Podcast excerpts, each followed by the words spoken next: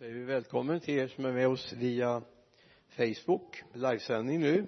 Och eh, om någon timme ligger ute på youtube också. Så vi missar ju er här. Men jag hoppas att du kan hitta hit till vår kyrka så småningom. Och är det så att du är längre bort så är det ju bättre att få vara med på det här sättet då. Jag ska starta med att berätta en liten sak. För en del funderar på varför jag har den här permen ska jag förklara för er. När jag var ung och ny som förkunnare så ville jag smyga in mitt lilla not, mina noteringar i bibeln. Hade lite lösa blad, ingen såg det, alla trodde jag hade allt i, i minnet och, och kunde tala utifrån det. Och en gång var jag på en friluftsgudstjänst i Kisa. Och jag stod där och talade med mina lösa papper in i bibeln och så kom en vindpust och lyfte iväg papperna. Så det låg över, spritt över hela marken den dagen bestämde jag mig för att sen hade jag lite ungdomar där i församlingen. De var väldigt vänliga. De plockade ihop de här lapparna åt mig. Men de medvetet blandade om dem. Så jag hade ingen aning om jag hade inte numrerat dem heller. Så det var ju väldigt snällt. Men då fick jag tala fritt ur hjärtat ska jag inte göra nu utan jag ska ta det som Gud har pekat på för mig. Och då vill jag ta med dig till Lukas evangeliets sjuttonde kapitel vers 11 på sin vandring mot Jerusalem tog Jesus vägen mellan Samarien och Galileen. När han var på väg in i en by möttes han av tio spetälska män. De stannade på avstånd och ropade Jesus mästare förbarma dig över oss. Han såg på dem och sa till dem gå och visa er för prästerna. Och medan de var på väg dit blev de rena. När en av dem såg att han hade var botad vände han tillbaka och prisade Gud med hög röst och föll ner på sitt ansikte för Jesu fötter och tackade honom han var samarier. Jesus frågade honom blev inte alla tio rena? Var är de nio andra? Fanns det ingen som vände tillbaka för att ge Gud äran utom denne främling? Och han sa till honom res dig och gå. Din tro har frälst dig. Det är spännande att läsa evangelierna jag hoppas du har gjort resan genom Matteus, Markus, Lukas och Johannes. Den kan man göra om många gånger. Jag har hållit på och läst bibeln i, ja vad blir det? 55 år? Någonting? Med ordning alltså. Jag läste nog något motsvarande barnens bibel när jag var mindre men och det märkliga är att man kan läsa samma sak gång på gång och så helt plötsligt vaknar man upp över nya saker i bibeln. Det det blev så när jag höll på och läste bibeln häromdagen så vaknade jag upp över den här texten som jag har hört så många både predikningar, bibelundervisningar och läst själv och fått ända från söndagsskolan med mig. Och så tänkte jag så här när Jesus vandrade här på jorden så mötte han människor. Individer ibland i grupp men ändå individer han möter. Vill du följa med mig? Ska vi titta lite grann i Matteus 4 jag tänker inte läsa alla de här avsnitten jag bara nämner dem och du kan notera dem. Jag tänker berätta lite om dem. Matteus 4 versen 18 till 22 där möter vi Jesus när han kallar fyra lärjungar att bli hans, eller bli hans lärjungar. Det är Andreas det är Simon som senare kommer att kallas Petrus det var Johannes och det var Jakob. De byter upp ifrån sitt fiskafänge och börjar gå med Jesus. De byter karriär. Med det enkla ordet följ mig så ska jag göra dig till människofiskare.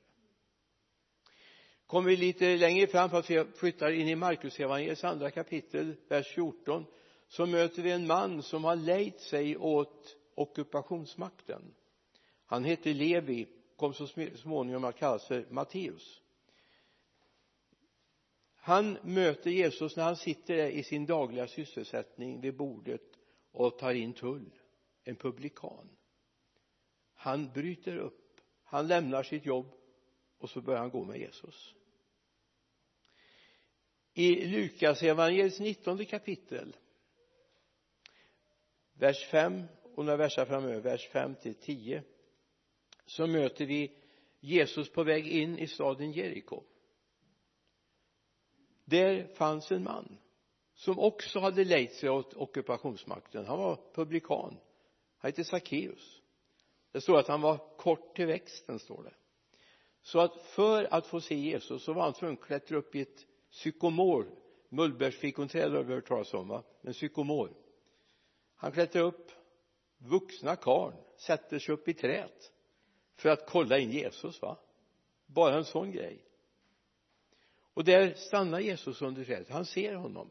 Skynda dig ner för idag måste jag gästa i ditt hus. Och så när vi följer den här berättelsen så ser vi att när Jesus har gjort det här besöket hos Sackeus så är det en ny Sackeus som kommer ut. Någonting har hänt i det här mötet mellan Jesus och Sackeus från att vara en roffare en som eh, tog åt sig för mycket tjänade egna pengar på att sitta där. Säger han helt plötsligt hälften av allt jag äger ger jag till de fattiga.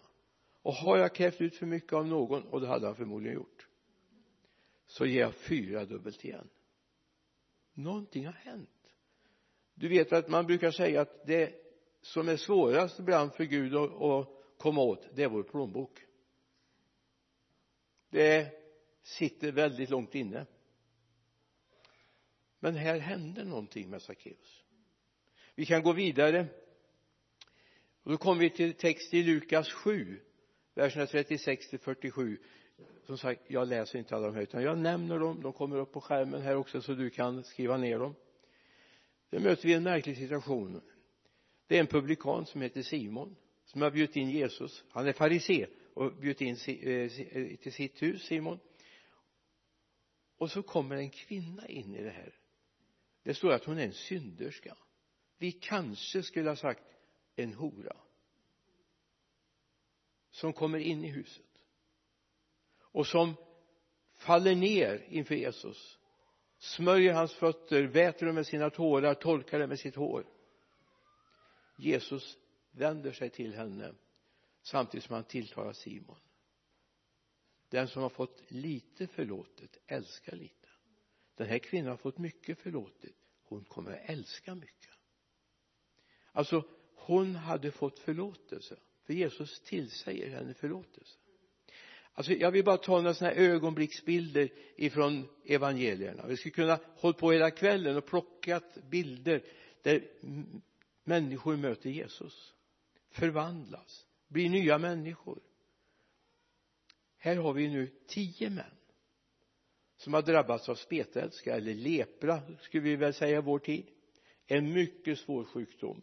Den var så svår så man fick inte vistas ibland de andra människorna. Och var det så att man kom på vägen och mötte människor så man ropade oren, oren. Och så skulle man gå åt sidan så att man inte smittade. För det var en fruktansvärt smittsam sjukdom de här människorna gör likadant. De här tio vi vet egentligen ingenting om dem mer att en är samarier. Det är han som kommer tillbaka. Han kommer och tackar. Ändå så möter Jesus dem. Jesus du kan göra oss rena. Du kan. Jag börjar fundera på när hade de hört förkunnelsen om Jesus? När hade de mött den här mannen? Visste vem han var? För att de var ju inte de var inte bland de 5000 när han utspisade dem. Han var inte bland de 7000 när han utspisade dem. Han var inte där han hade sin bergspredikan och så vidare. För de fick inte vara där. Men någonting hade nått dem ändå om denne märklige man Jesus. I mötet med honom så vet de precis vad de ska be om.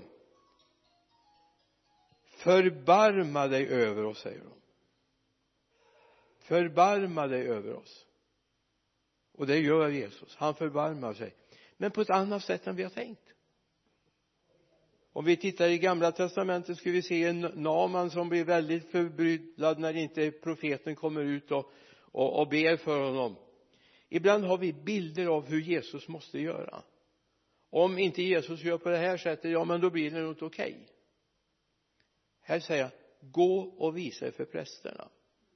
Och det här är helt enligt Mose lag. Mose lag stipulerar att någon som bland annat spetälska då det var inte så vanligt att de blev friska men om de skulle få komma in i det sociala livet igen så var det prästerna som hade makten att säga nu får ni vara med eller nu får ni fortsätta att vara utanför samhället. De går dit. Vad händer? Sjukdomen försvinner. Ja, men, kan du tänka dig ja, men jag, jag har en väldig inlevelseförmåga. Fantasi kallar en del för men jag kallar det för inlevelseförmåga. Jag tänker här går tio män. Du vet hur tio män är de brukar säga att kvinnor pratar väldigt mycket men män när de kommer samman de kan prata bra med. Jag har gått på många manliga arbetsplatser så jag vet. Och så börjar de titta på vad hände? De där såren du hade i ansiktet örat som är på att försvinna har återbildats. Men titta i dina händer fingrarna som är på att försvinna och multna bort. Helt plötsligt är de på plats igen de känner efter tårna som ofta är det som bland det första drabbar spetälska eller leprasjuka. Oj jag har fått tårna tillbaka. De hade ju inga täckande skor de gick i sandaler. Så de såg det. Vilken upplevelse. Det enda jag, problemet jag har med den här texten egentligen det är att det står ingenstans att de kom ner till prästerna och visade sig för dem. Vilket de borde gjort enligt Mose lag. Alltså här är tio män. Dömda till ensamhet och död. Tio män skilda från familjer skilda från samhället skilda från alla jobb. Kunde inte ens sitta och tigga efter vägen. Och så helt plötsligt möter de mannen framför alla andra män. Konungarnas konung och herrarnas herre och han som har rätt till liv och död. Och så kan han bara säga gå och visa er för prästerna. Han sa inte ens bli frisk. Han sa inte, han hade ingen lång bönestund för dem utan hans ord gjorde någonting i deras liv. Men det finns en bit till. De här tio männen sätter tro till det Jesus de ställer inte och diskutera men Jesus vi hade ju förväntat oss att du skulle helat oss här nu. Varför skickar du iväg oss för det är ingen naman upplevelse här inte. Utan vi hade ju förväntat oss att du skulle rört vid oss du skulle helat oss. De lyder. De tror och de lyder. Och det här tror jag är ett av våra stora problem. Vi har satt en modell. Så här Gud ska du göra. På det här sättet ska det ske. Blir det inte så ja då händer ingenting. För tänk om. Tänk bara om. Nu fanns inte det omet så jag är väldigt tacksam för det i Lukas det finns inget om det om men tänk om de har tänkt sig nej vi går hem till oss istället. Och det var förmodligen en, en by utanför samhället. Vi bryr oss inte om det här. Vad tror du hade hänt? Sjukdomen hade förtärt dem. Hade ätit upp dem bildligt talat. Men de trodde de litade på hans ord. De hade ropat herre kan du inte hjälpa oss? Och han gjorde det. Det står så här i romarbrevets fjärde kapitel. Det handlar om Abraham. Det tredje versen. För vad säger skriften? Abraham trodde Gud och det räknades honom till rättfärdighet. Lyssna alltså när vi läser i bibeln om tro så är det inte någon hoppaslek vi håller på med. Ingen, ingen kanske-lek.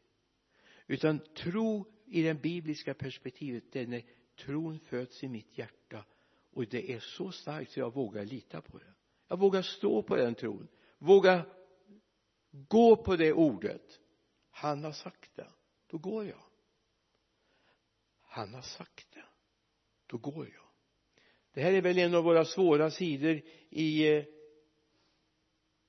västerlandet. Vi vill ha så mycket bevis. Och handlar vi aldrig? Går vi aldrig? Gör vi aldrig någonting? Så får vi inga bevis.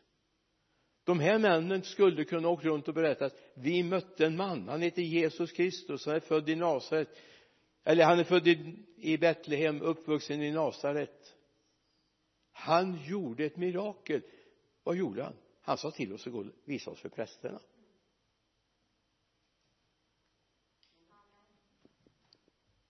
Och de gjorde det. De gick iväg.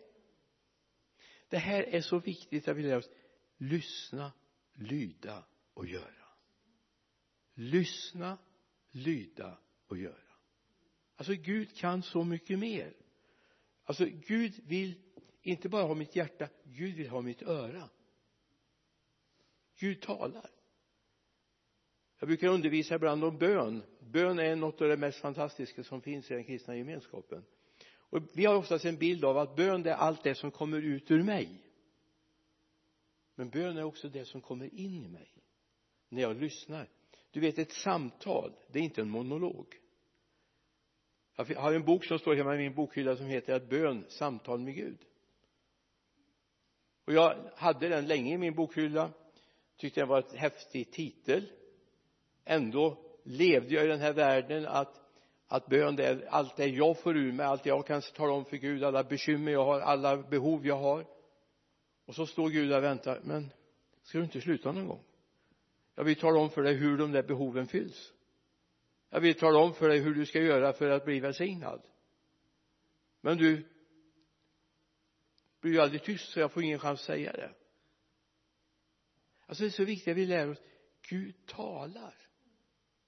Har jag en radioapparat och jag inte slår på den så kan jag inte rå för att jag inte hör vad de säger på nyheterna, eller hur?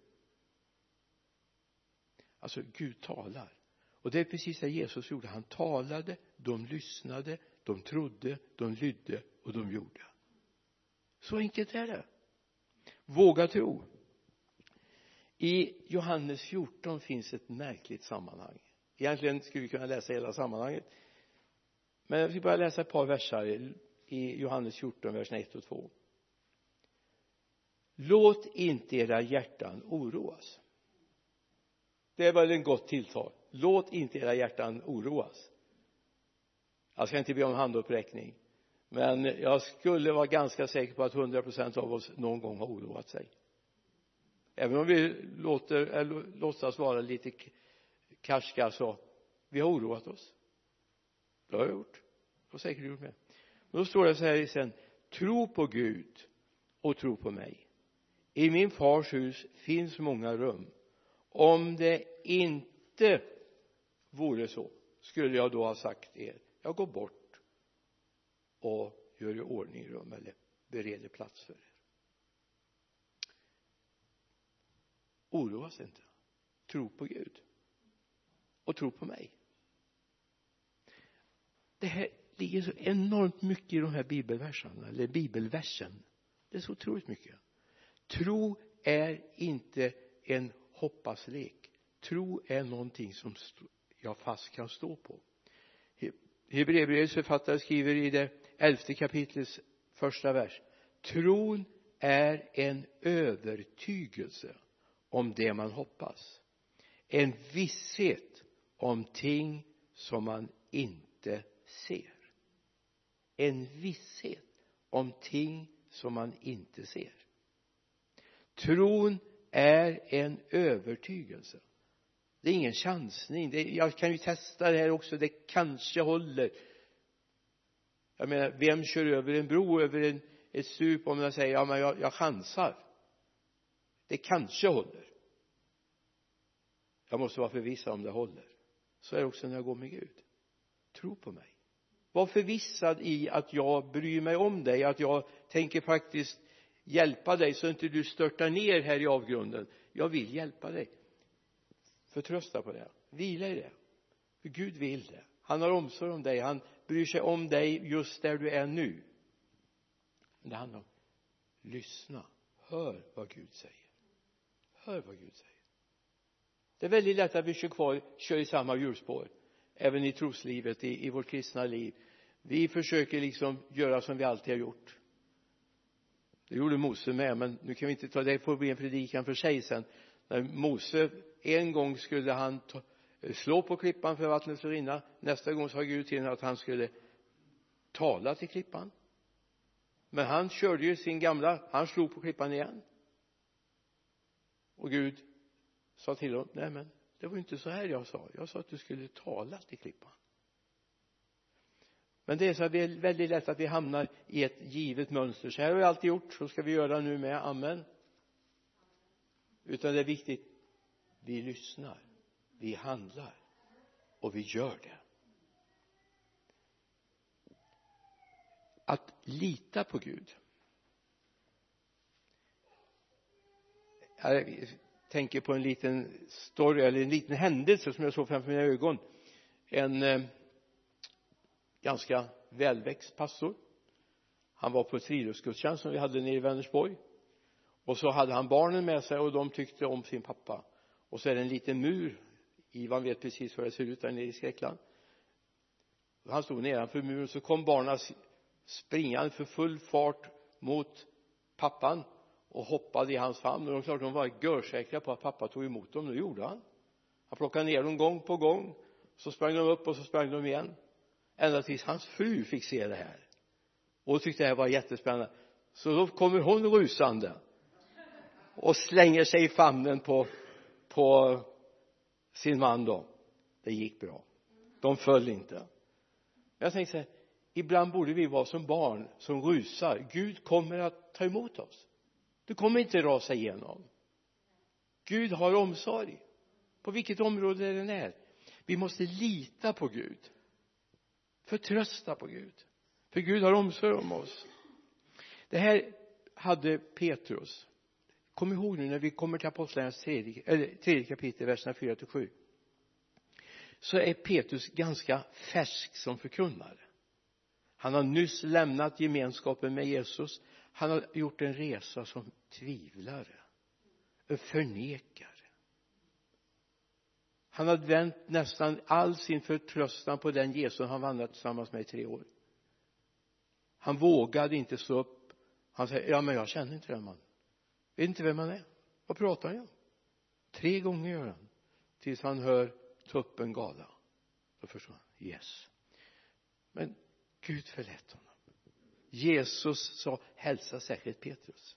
Och så kommer vi till apostlagärningarnas tredje kapitel vers 4. här sitter en man utanför templet och tigger dåtidens socialtjänst. Enda sättet att få mat för dagen han var lam. Och så kommer Petrus och Johannes gående. Då fäste de blicken på honom och Petrus sa se på oss. Mannen såg uppmärksamt på dem och vände sig väntade sig att få något. Men Petrus svarade silver och guld har jag inte men vad jag har det ger jag dig. I Jesu Kristi Nazarens namn res dig och gå. Så långt skulle vi nog kunna hänga med. Men så händer någonting. Han grep honom i höger handen reste honom upp och genast fick mannen styrka i fötter och vrister. Vad jag har det ger jag dig. Varför då? De har lyssnat. De tror. De litar på honom. Ja men han säger inte i mitt namn säger inte Petrus. Eller i vårt namn jag och, och min kompis här. Utan i Jesu Kristi Nazarens namn. Res dig och gå. Och så tar han tag i honom reser honom upp och han får styrka i sina fötter och vrister. Och kan springa in och så kan du fortsätta läsa hur han springer in i templet och jublar? Men det finns en bakgrund i och det förklarar Petrus och Johannes när de står till rätta för det här i nästa kapitel, vers 20 då säger han så här vi för vår del kan inte hålla tyst med vad vi har sett och hört. Alltså de hade sett, de hade hört, de hade upplevt någonting och det ville de dela med sig. Ditt vittnesbörd är sant om du har ett eget erfarenhet en egen upplevelse om du kan peka på det här har Jesus gjort i mitt liv. Och det är precis det de försvarar. Vi kan inte låta bli att tala om det vi har sett och hört. Frågan är har vi hört? Petrus säger i sitt andra brev Petrus andra brev första kapitlet vers 16 det var inga utstuderade myter vi följde när vi förkunnade vår Herre Jesu Kristi makt och hans ankomst för er utan vi var ögonvittnen till hans majestät. Han fick ära och härlighet från Gud fadern när rösten kom till honom från den majestätiska härligheten. Han är min älskade son. Han är min son min älskade. I honom har jag min glädje. Den rösten hörde vi själva från himlen när vi var med honom på det heliga berget. Wow vilken upplevelse! Det här delade de. De visste att Jesus var en verklighet. Du nu vandrar vi här 2000 år senare. Har Jesus förändrats? Är han densamme? Har vi också en egen erfarenhet? Vi har sagt vi har hört vi har sett och vi vet vem du är. Det är det världen behöver de behöver inte massa stories. De behöver människor som har sett och mött honom. Som har blivit präglade av honom. Som är uppfyllda av honom. Och som vill berätta om honom. Och som vill förkunna in evangeliet i människors hjärtan. För precis som när kvinnan som sitter där vid Sykars brunn. Jag vet inte om du nu går vi till ytterligare en sån här berättelse som finns i evangelierna. En kvinna som kommer mitt på dagen därför att hon hade inget okej liv. Hon får höra fem män har du haft och den du har nu är inte din man. Loppet kan ju kännas lite kört. Ändå får hon uppleva en som berättar för henne. Om du visste vem det är som du talar med då skulle du be honom om levande vatten. Så du aldrig behöver komma hit och vara törstig igen hon säger ge mig det vatten helt plötsligt går det upp för henne vem är det? Jo hon ställer krukorna springer in i staden där de förut inte vågade visa sig på dagtid. Och så berättar jag har mött en man. Han har sagt mig allt. Kanske han är Messias. Och sen kommer folket ut och de möter honom och så säger de till kvinnan kvinna nu tror vi inte för dina ords skull. Vi har själva mött honom. Tänk när människor runt omkring oss som vi berättar om Jesus för kan komma och säga det är inte för att du vittnade som jag är frälst utan jag har mött honom själv. Tack för att du delade vittnesbörd så jag gick och mötte honom. Den resan ska vi göra. Och den ska vi göra tillsammans. Vi ska be. Jesus jag tackar dig för trons verklighet som finns i dig tack herre för att det inte är en hoppaslek eller en kanske utan en verklighet. Det du säger i ditt ord är sant. Varje bokstav, varje stavelse allt litar vi på. Tack herre för det. Du är en verklighet. Och tack för att det ljuset bryter fram bryts mörkret ner. I Jesu namn. Amen.